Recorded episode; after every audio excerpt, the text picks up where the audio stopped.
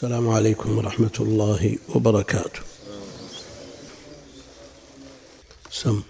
بسم الله الرحمن الرحيم. الحمد لله رب العالمين وصلى الله وسلم وبارك على نبينا محمد وعلى آله وصحبه أجمعين. اللهم اغفر لنا ولشيخنا وللمستمعين برحمتك يا أرحم الراحمين. قال الإمام المجدد رحمه الله تعالى باب ما جاء في منكر القدر. وقال ابن عمر رضي الله عنهما والذي نفس ابن والذي نفس ابن عمر بيده. لو كان لأحدهم ملء أحد ذهبا ثم أنفقه في سبيل الله ما قبله الله منه حتى يؤمن بالقدر. ثم استدل بقول النبي صلى الله عليه وسلم الإيمان أن تؤمن بالله وملائكته وكتبه ورسله واليوم الآخر وتؤمن بالقدر خيره وشره رواه مسلم. وعن عبادة بن الصامت أنه قال لابنه يا بني إنك لن تجد طعم الإيمان حتى تعلم أن ما أصابك لم يكن ليخطئك وما أخطأك لم يكن ليصيبك. سمعت رسول الله صلى الله عليه وسلم يقول إن أول ما خلق الله القلم فقال له اكتب. فقال ربي وماذا أكتب؟ قال اكتب مقادير كل شيء حتى تقوم الساعة. يا بني سمعت رسول الله صلى الله عليه وسلم يقول من مات على غير هذا فليس مني. وفي رواية لأحمد إن أول ما خلق الله تعالى القلم ثم قال له اكتب. فجرى في تلك الساعة بما هو كائن إلى يوم القيامة. وفي رواية لابن وهب قال رسول الله صلى الله عليه وسلم فمن لم يؤمن بالقدر خيره وشره أحرقه الله بالنار. وفي المسند والسنن عن ابن الديلمي قال أتيت أبي بن كعب فقلت في نفسي شيء من القدر فحدثني بشيء لعل الله يذهبه من قلبي. فقال لو أنفقت مثل أحد ذهبا ما قبله الله منك حتى تؤمن بالقدر وتعلم أن ما أصابك لم يكن ليخطئك وما أخطأك لم يكن ليصيبك ولو مت على غير هذا لكنت من أهل النار. قال فأتيت عبد الله بن مسعود وحذيفة بن اليمان وزيد بن ثابت فكلهم حدثني بمثل ذلك عن النبي صلى الله عليه وسلم. حديث صحيح رواه الحاكم في صحيحه. فيه مسائل. الأولى بيان فرض الإيمان بالقدر. الثانية بيان كيفية الإيمان به. الثالثة إحباط عمل من لم يؤمن به. الرابعة الإخبار بأن أحدا لا يجد طعم الإيمان حتى يؤمن به. الخامسة ذكر أول ما خلق الله. السادسة أنه جرى بالمقادير في تلك الساعة إلى قيام الساعة السابعة. براءته صلى الله عليه وسلم ممن لم يؤمن به. الثامنة عادة السلف في إزالة الشبهة بسؤال العلماء. التاسعة أن العلماء أجابوه بما يزيل الشبهة. وذلك أنهم نسبوا الكلام إلى رسول الله صلى الله عليه وسلم فقط. اللهم صل وسلم على عبدك ورسولك محمد. الحمد لله رب العالمين وصلى الله وسلم وبارك على عبده ورسوله نبينا محمد وعلى آله وأصحابه أجمعين. قال رحمه الله تعالى باب ما جاء في منكر القدر. الإيمان بالقدر ركن من أركان الإيمان. جاء في الحديث في الصحيحين وغيرهما في سؤال جبريل للنبي عليه الصلاة والسلام لما سأله عن الإيمان قال أن تؤمن بالله وملائكته وكتبه ورسله باليوم الآخر وأن تؤمن بالقدر خيره وشره. فهو ركن من أركان الإيمان الذي لا يؤمن به كما سيأتي في أحاديث الآثار اللاحقة فهو مخل بركن من أركان الإيمان وهو على هذا كافر بالله. الإيمان بالقدر أو الطوائف عموما في الإيمان بالقدر طرفان ووسط.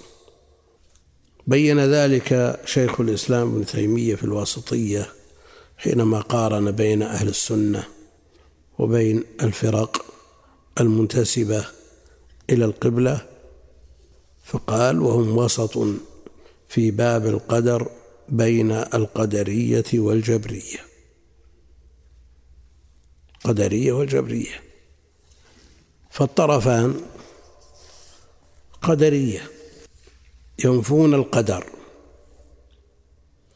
وأن الأمر أنف. وهؤلاء طائفة ضالة. جاء فيهم حديث لكن فيه ضعف أنهم مجوس هذه الأمة. ومع الأسف أنه ينتسب إليه طوائف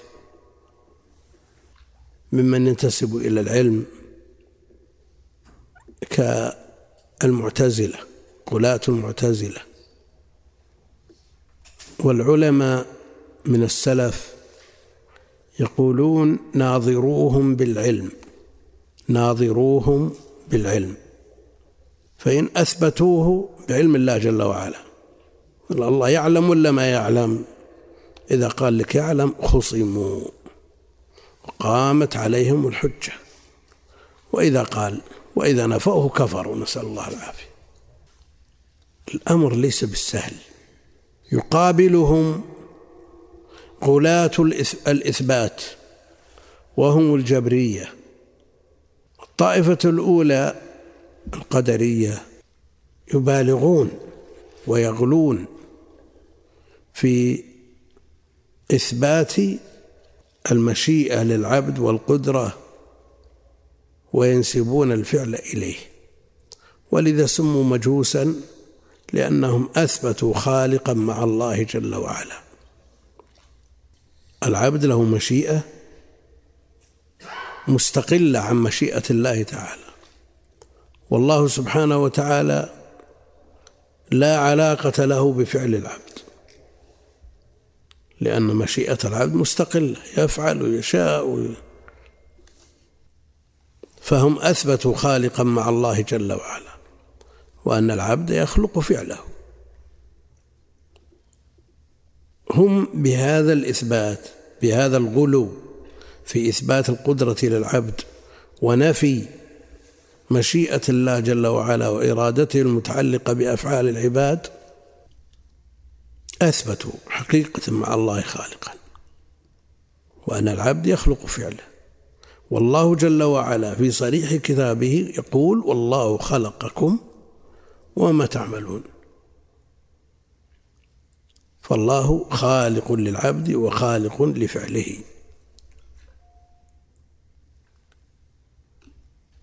يعني إذا أردنا أن نطبق هذا الكلام على شيوخ المعتزلة. مثل الزمخشري.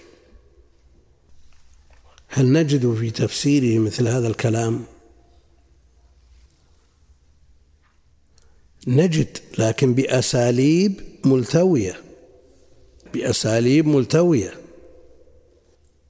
لأنه دقيق في عبارته وفي مغازيه. ولذا قال من قال أنه استخرج اعتزاليات الزمخشري بالمناقيش. وبعض آرائه مشت على من ينتسب إلى السنة في هذا الباب كبعض الأشعرية. المقابل لهؤلاء الجبرية الذين يرون أن العبد لا مشيئة له ولا قدرة وأن حركته كحركة ورق الشجر في مهب الريح. هؤلاء الجبرية الذين يقولون أن العبد مجبور على ما يفعل هو من باب الغلو في إثبات القدر. بالنسبة لله جل وعلا وهم, وهم بسلبهم. قدرة العبد ومشيئة العبد يجعلون الله جل وعلا ظالما لمن يعذبه وهو مجبور على فعله. هذا العبد الذي فعل هذه المعصية مجبور عليها عندهم. وحينئذ إذا فعلها وهو مجبور عليها المكره له حكم إلا من أكره. المكره ما له حكم ما يعذب. ترى الذين قالوا هذا الكلام من من النوابغ من الأذكياء. الرازي يقول بالجبر. في تفسيره يقول بالجبر. وهو يحس من نفسه ويجد أن الاختيار موجود في البشر من نفسه. ما يحتاج إلى روح لأحد. يعني إذا أذن المؤذن هل يستطيع أن يقول عجزت أن أقوم إلى الصلاة؟ بل يجد من نفسه أنه مختار شاء قام وإن شاء جلس. لكن الذكاء إذا لم يقارنه زكاء صار وبالا على صاحبه.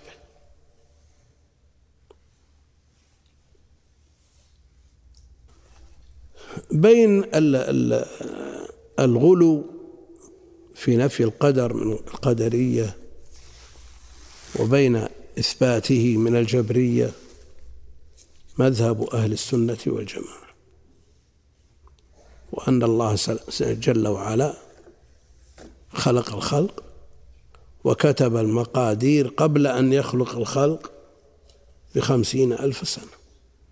فقدرها عليهم استشكل بعض الصحابة أنه ما دامت الأمور مكتوبة ومقدرة فلما العمل؟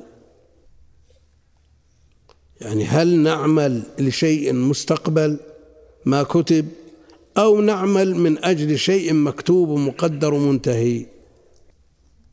هو مقدر ومكتوب. شو الفائدة؟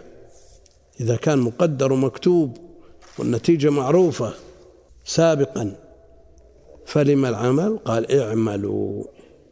فكل ميسر لما خلق له. فكل ميسر لما خلق له. وباب القدر من أعقد الأبواب. والتوغل فيه مزلة قدم. وهو سر الله في خلقه. فطالب العلم يفهم ما جاء في النصوص ولا يستغرب ويتوغل. هناك كتاب مطول موسع فيه قواعد لهذا الباب وفيه مناظرات بين السنة والقدرية. لابن القيم اسمه شفاء العليل. شفاء العليل. كتاب مفيد لكن الاكتفاء بما ورد في النصوص مع طمأنينة القلب لما جاء في هذا الباب على ما سيأتي أن المرء لا يذوق طعم الإيمان حتى يؤمن بالقدر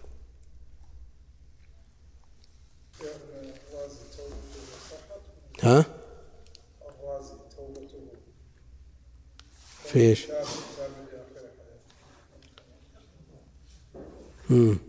لا في في في الصفات إي والله رحمة الله واسعة يعني. لا لا يحد لكن كأن الموضوع الذي جرى فيه الكلام في موضوع الصفات. لكن مع ذلك ومع ذلك رحمة الله واسعة ولا يدرى عاد تفصيلا ما الذي حصل. الأمر خطير أمر خطير. نسأل الله الثبات. أن هؤلاء القوم أبو المعالي الجويني إمام من أئمة الشافعية. لما جاء أبو لما جاءه أبو العلاء الحمداني وقال له وهو يناظره في إثبات صفة العلو قال له ماذا نفعل في الفطرة التي نجدها في قلوبنا حينما ندعو الله أن القلوب تنظر إلى جهة العلو والأبصار أيضا.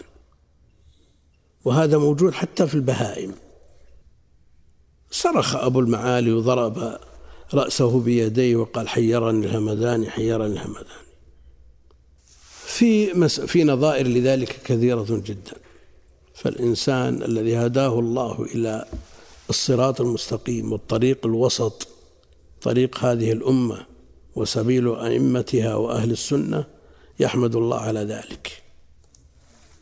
والنصيحة أن لا يغرق طالب العلم في النظر في كتب المخالفين لأن فيها شبه قد يقتنع بشبهة منها تقوده إلى الضلال.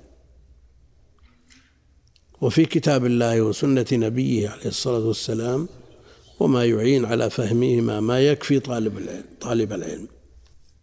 القدر له أربع مراتب العلم والكتابة والمشيئة والخلق والتقدير. في آه، حديث ابن عمر في صحيح مسلم ومطول لأنه جاء به مختصرا في الكتاب.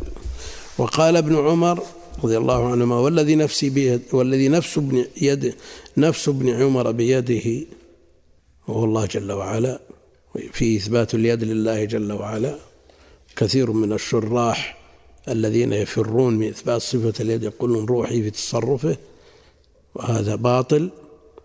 لو كان لأحدهم مثل أحد ذهبا مثل أحد ذهبا ثم أنفقه في سبيل الله ما قبله الله منه حتى يؤمن بالقدر. وما منعهم أن تقبل منهم نفقاتهم إلا أنهم كفروا. فالذي لا يؤمن بالقدر كافر لأنه ما آمن بركن من أركان الإيمان. هذا الكلام لابن عمر مختصر. وتمامه في صحيح مسلم في قصة في كتاب الإيمان من صحيح مسلم في أوله. قال حدثنا أبو خيثمة زهير بن حرب. قال حدثنا وكيع عن كهمس عن عبد الله بن بريدة عن يحيى بن يعمر. حا وحدثنا عبيد الله بن معاذ العنبري وهذا حديثه. قال حدثنا أبي قال حدثنا كهمس عن ابن بريدة عن يحيى بن يعمر قال كان أول من قال بالقدر معبد الجهني. كان أول من قال بالقدر في القدر بالبصرة كنت قلت أول صارت خبر مقدم ويكون اسمها معبد مرفوع مؤخر. وإن جعلت الأول هو المبتدأ والأخير هو الخبر فلا بأس. كان أول من قال بالقدر بالبصرة معبد الجهني فانطلقت فانطلقت أنا وحميد بن عبد الرحمن الحميري حاجين أو معتمرين.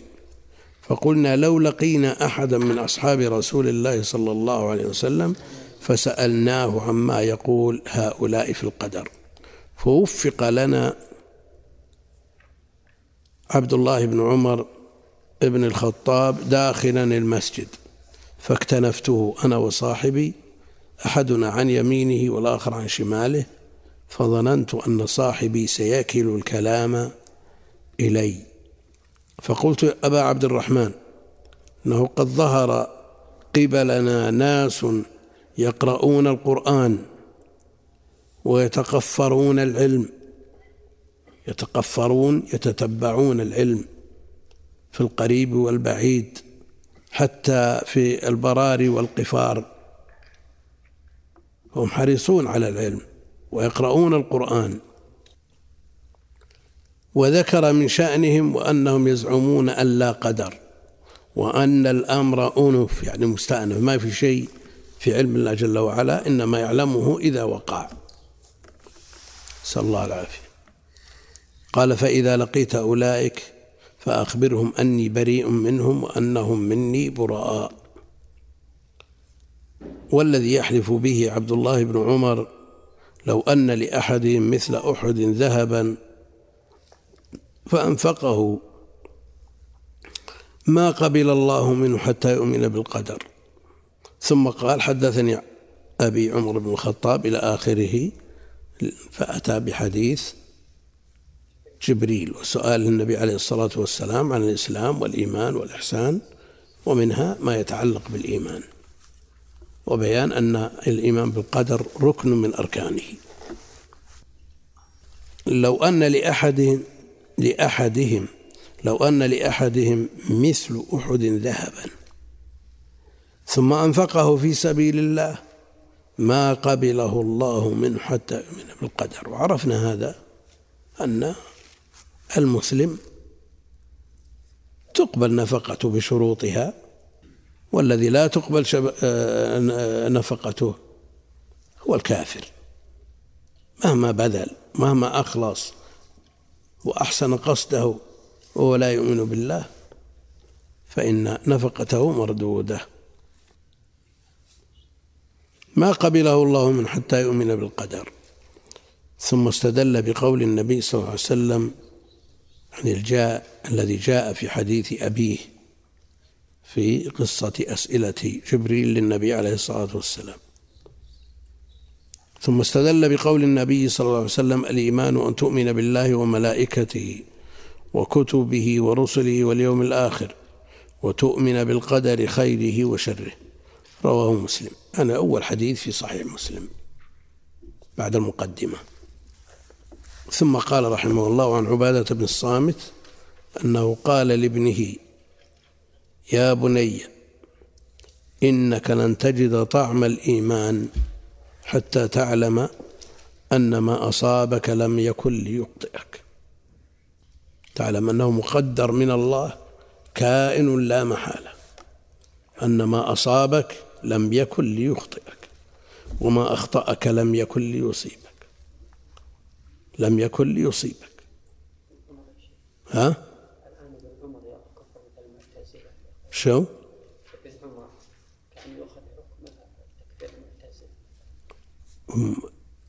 مسألة العموم السلف خمسمائة عالم من السلف كفروا من يقول بخلق القرآن. لكن لا تستطيع أن تقول الزمخشري كافر. بالأفراد. وعن عبادة بن الصامت أنه قال لابنه يا بني إنك لن تجد طعم الإيمان حتى تعلم أن ما أصابك لم يكن ليخطئك. عبادة بن الصامت وهو مريض على فراش الموت. قال له ابنه أوصني. قال قال أجلسوني فأجلسوه. قال يا بني لن إنك لن تجد طعم الإيمان حتى تعلم أن ما أصابك لم يكن ليخطئك. الدين رأس المال وإلا فالحياة. إذا ما عرفت هذه القاعدة وطبقتها على نفسك الحياة ما لها طعم. الحياة ما تتلذذ بها. إذا كان كل ما أصابك تبي تقول لو أني فعلت كذا لو أني سوى. الحياة جحيم تصير. ما لها طعم. سمعت رسول الله صلى الله عليه وسلم يقول إن أول ما خلق الله القلم. إن أول ما خلق الله القلم فقال له اكتب. فقال ربي وماذا أكتب؟ قال اكتب مقادير كل شيء حتى تقوم الساعة. الأولية هنا إن أول ما خلق الله القلم فقال له اكتب. هي مقيدة بالأمر بالكتابة أو مطلقة. ها؟ الاحتمال. لكن إذا قلنا إنها مقيدة بالكتابة انتفى الإشكال. أول ما خلق ما خلقه الله قال له اكتب. بغض النظر عما قبله. وإذا قلنا إنه أول ما خلق الله في مخلوقاته القلم ورد عليه إشكالات. ولذا يقول ابن القيم رحمه الله والناس مختلفون في القلم الذي كتب القضاء به من الديان. هل كان قبل العرش أو هو بعده؟ قولان عند أبي العلا الهمداني والحق أن العرش قبل لأنه قبل الكتابة كان ذا أركان. فقال ربي وماذا أكتب؟ هل هذا اعتراض؟ امتثال. لكن يستفصل. استفصل ماذا يكتب؟ يعني من تمام الامتثال أن تستفصل. من تمام الامتثال أن تستفصل. ليتسنى لك أن تمتثل ما أمرت به. لو أن شخصا معظما لأبيه مطيعا له ومن هيبته أنه لا يستفصل فقال له الأب اذهب إلى فلان وأوصاه بأشياء ما فهمها أو ما سمع اسم فلان وراح.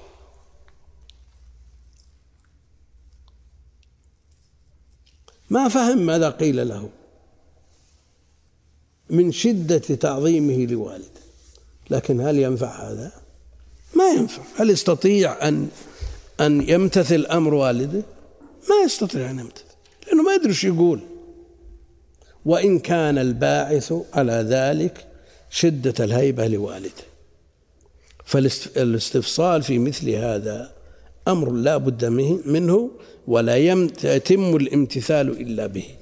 مو باعتراض وماذا أكتب؟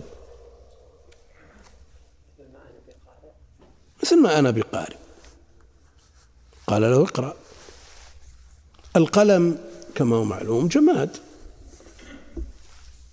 لكن الجمادات إذا خاطبها الله جل وعلا تعي خطابه. وتجيبه. قالتا أتينا طائعين. قالتا أتينا طائعين. على خلاف فيما يقوله بعضهم هل هو بلسان الحال أو بلسان المقال؟ الأصل لسان المقال. ثم يدخلون في تفصيلات في كيفية هذا النطق هل هو بلسان وشفتين وما أدري إيش كل هذا ما له داعي. كل هذا لا داعي له. فقال ربي ماذا أكتب؟ قال اكتب مقادير كل شيء حتى تقوم الساعة. هذه الكتابة العامة. هناك كتابات خاصة. فالجنين في بطن أمه يرسل إليه الملك ويؤمر بكتب أربع كما هو معلوم. قال اكتب مقادير كل شيء حتى تقوم الساعة. وماذا عما بعد قيام الساعة من الأمور والأهوال؟ هل هي مكتوبة ولا غير مكتوبة؟ ها؟ مكتوبة من من ضمن ذا؟ حتى تقوم الساعة. يعني هل كتبت بأمر آخر؟ الله أعلم.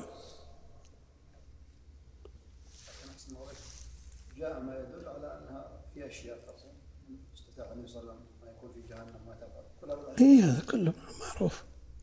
لا ما هو نفي للكتابة مطلقا. لكن من الكتابة اللي عندنا في الحديث. لأن لها غاية حتى تقوم الساعة. يا بني قول عبادة من؟ الوليد؟ ها؟ شو؟ الولد يا بني. شو اسمه؟ الوليد ولا غيره؟ ها؟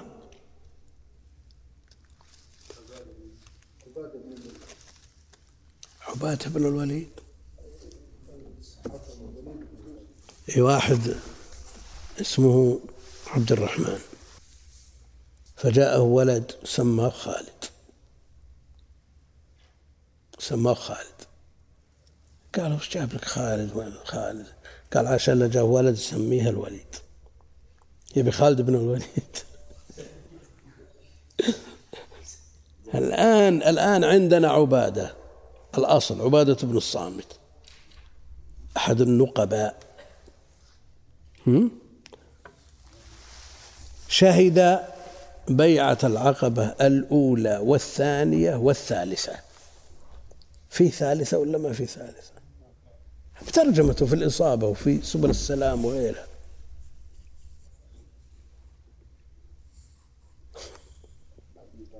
ها؟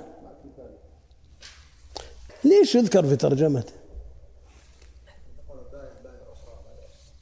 ها؟ راجع المسألة. لازم تراجع. لا لا العقبة الأولى والثانية والثالثة. يا بني سمعت رسول الله صلى الله عليه وسلم يقول من مات على غير هذا فليس مني. يعني على غير الإيمان بالقدر. وفي رواية لأحمد إن أول ما خلق الله تعالى القلم ثم قال له اكتب فجرى في تلك الساعة بما هو كائن إلى يوم القيامة.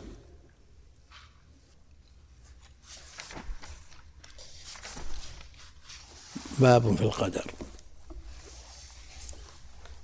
هذا مختصر سنن أبي داود المنذري. عن عبد العزيز بن أبي حازم عن أبيه عن ابن عمر رضي الله عنهما عن النبي صلى الله عليه وسلم قال القدرية مجوس هذه الأمة. إن مرضوا فلا تعودوهم وإن ماتوا فلا تشهدوهم. والكلام الحديث تعليله كلام طويل لابن القيم وغيره. قال المنذري هذا منقطع. أبو حازم سلمة بن دينار لم يسمع من ابن عمر. وقد روي هذا الحديث من طرق عن ابن عمر ليس فيها شيء يثبت. وهنا حديث حذيفة قال قال رسول الله صلى الله عليه وسلم لكل أمة مجوس ومجوس هذه الأمة الذين يقولون لا قدر من مات منهم فلا تشهدوا جنازته ومن مرض منهم فلا تعودوهم وهم شيعة الدجال. وحق على الله أن يلحقهم بالدجال. عن عن عمر مولى غفرة. قال عمر مولى غفرة لا يحتج بحديثه ورجل من الأنصار مجهول فعلى كل حال الحديث بجميع طرق ضعيف. وهنا حديث ابن عمر الذي في صحيح مسلم بطوله. وعن ابن الديلمي قال أتيت أبي بن كعب هذا سيأتي. حديث إبراهيم. حديث عبادة بن الصامت. ها؟ شو؟ لا خلنا على حديث ابن الديلم اللي بيجي الحين.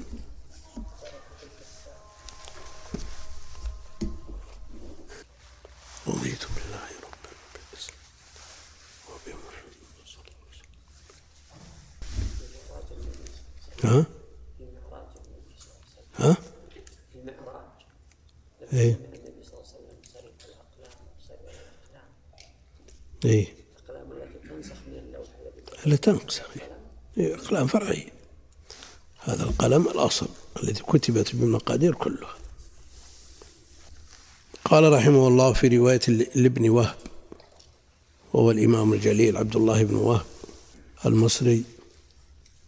له كتاب فيه مروياته طبعت قطعة منه.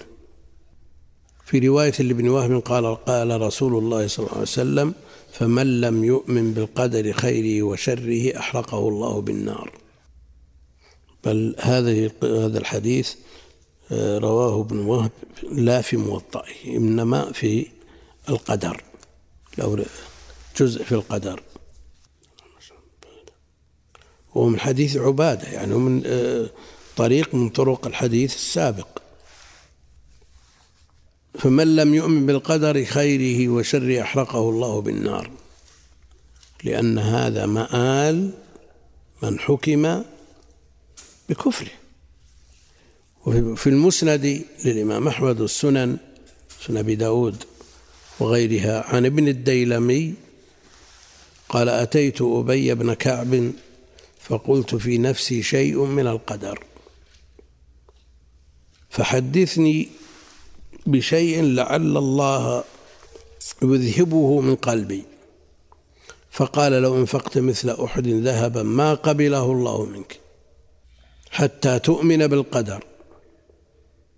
يعني مثل ما قال ابن عمر وتعلم أن ما أصابك لم يكن ليخطئك وما أخطأك لم يكن ليصيبك ولو مت على غير هذا لكنت من أهل النار.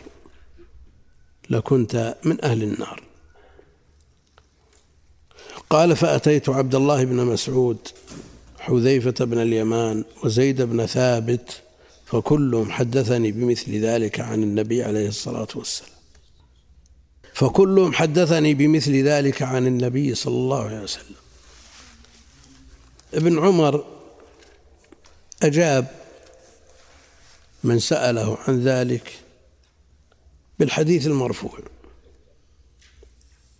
و كل السلف جرت عادتهم إذا سئلوا أن يفتوا بما سمعوه عن النبي عليه الصلاة والسلام. وفي ذلك كفاية ومقنع. والسائل عليه أن يمتثل ويقول سمعنا وأطعنا. كلهم حدثوه عن النبي صلى الله عليه وسلم بمثل ذلك. لأنه هو القدوة هو الأسوة. بعض الناس لا يقتنع إلا بأن يضاف إلى الدليل النقلي من الكتاب والسنة شيء من النظر والعقل. وبعض العلماء ومن يسأل لا يكتفي بالدليل من الكتاب والسنة وإنما يضم إليه أقوال العلماء وبه قال فلان وفلان وفلان من الأئمة ويضيف إلى ذلك التعليل فهل في هذا من بأس؟ ها؟ وإذا تمت القناعة بقال الله وقال الرسول الباقي زيادة. قال فأتيت عبد الله بن مسعود. أول أبي بن كعب.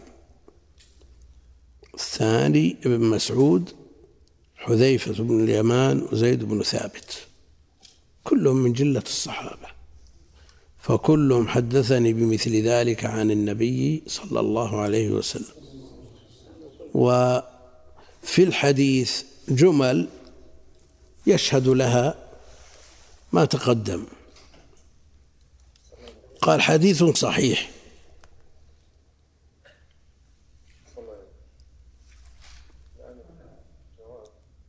ها؟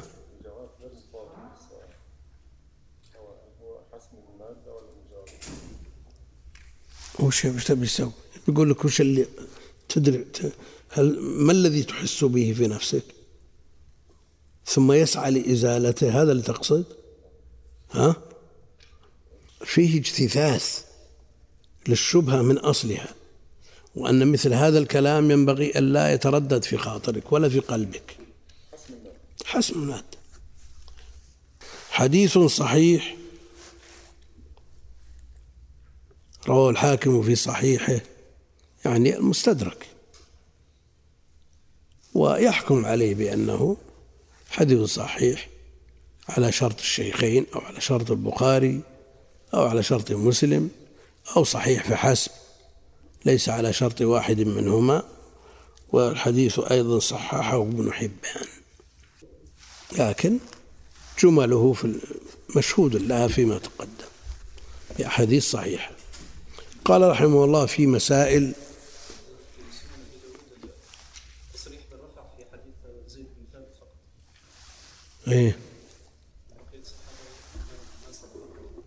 على كل حال إذا ثبت الرفع من طريق واحد. يعني غير مطابق لما في التخريج هنا. شو؟ في سنن أبي داود سلمك الله. عن ابن الديلمي قال أتيت أبي بن كعب فقلت لو وقع في نفسي شيء من القدر فحدثني بشيء لعل الله أن يذهبه عني أو من قلبي. فقال لو أن الله عذب أهل سماواته وأهل أرضه عذبهم وهو غير ظالم لهم ولو رحمهم كانت رحمته خيرا لهم من أعمالهم. ولو انفقت ما في أو مثل أحد ذهبا في سبيل الله ما قبله الله منك حتى تؤمن بالقدر. تعلم أن ما أصابك لم يكن ليخطئك وما أخطأك لم يكن ليصيبك. ولو مت على غير هذا لدخلت النار. ثم قال أتيت عبد الله بن مسعود؟ فقال مثل ذلك. فقال مثل ذلك. ثم أتيت حذيفة بن اليمان؟ فقال مثل ذلك. ثم أتيت زيد بن ثابت؟ فحدثني عن النبي صلى الله عليه وسلم مثل ذلك. يعني التصريح بالرفع في رواية زيد بن ثابت. وفي الكتاب يقول فكلهم حدثني بمثل ذلك عن النبي صلى الله عليه وسلم. فلعلها في غير رواية أبي داود.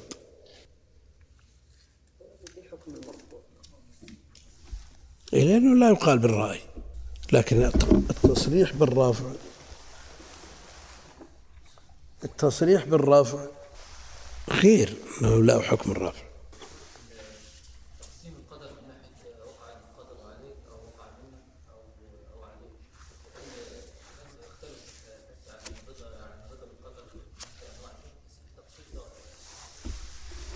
كيف وقع القدر عليك؟ هم؟ إيه لكن المسألة إذا وقع القدر عليك بغير فعل منك وغير تسبب منك لا بد من الإيمان بأنه لم يكن ليخطئك.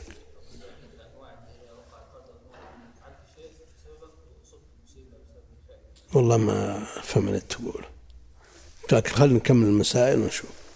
قال رحمه الله في مسائل الأولى بيان فرض الإيمان بالقدر وأنه ركن من أركان الإيمان. وبذلك جاء النص الصحيح الصريح. الثانية بيان كيفية الإيمان به. أن تعلم أن ما أصابك لم يكن ليخطئك وما أخطأك لم يكن ليصيبك. الثالث إحباط عمل من لم يؤمن به. لو أنفقت مثل أحد ذهبا ما قبله الله منك حتى تؤمن بالقدر. الرابعة الإخبار بأن أحدا لا يجد طعم الإيمان حتى يؤمن به. الإيمان ها؟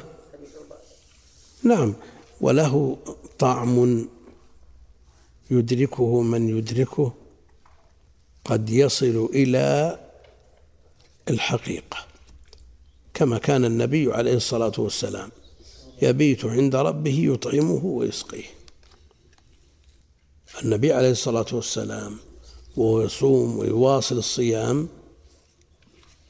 وأرادوا أن يقلدوه في ذلك قال إن إني لست كهيئتكم. أبيت عند ربي يطعمني ويسقيني. والأمور المعنوية يجد الإنسان طعمها. أن الإنسان إذا وقف على مسألة وانحل عنده إشكال كان يبحث عنه من أمد يجد لذلك طعم قد يغنيه عن الأكل والشرب أحيانا.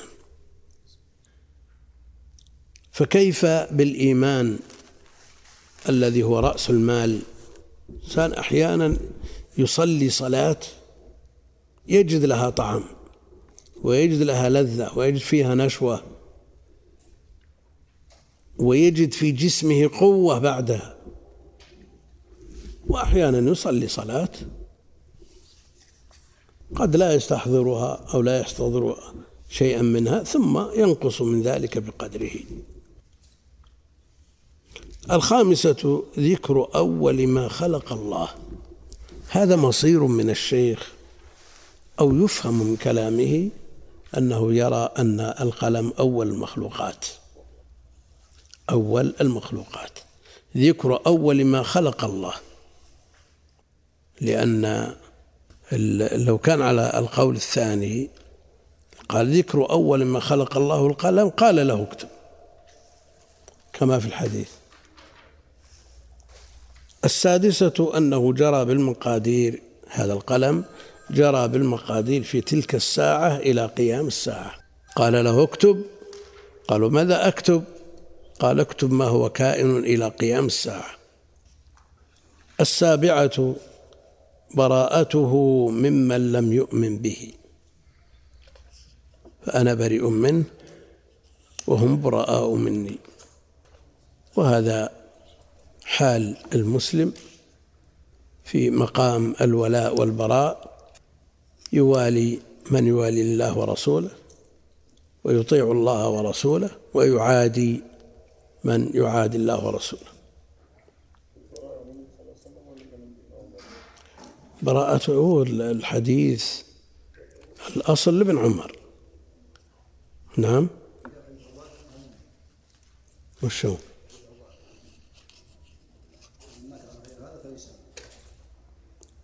كذلك.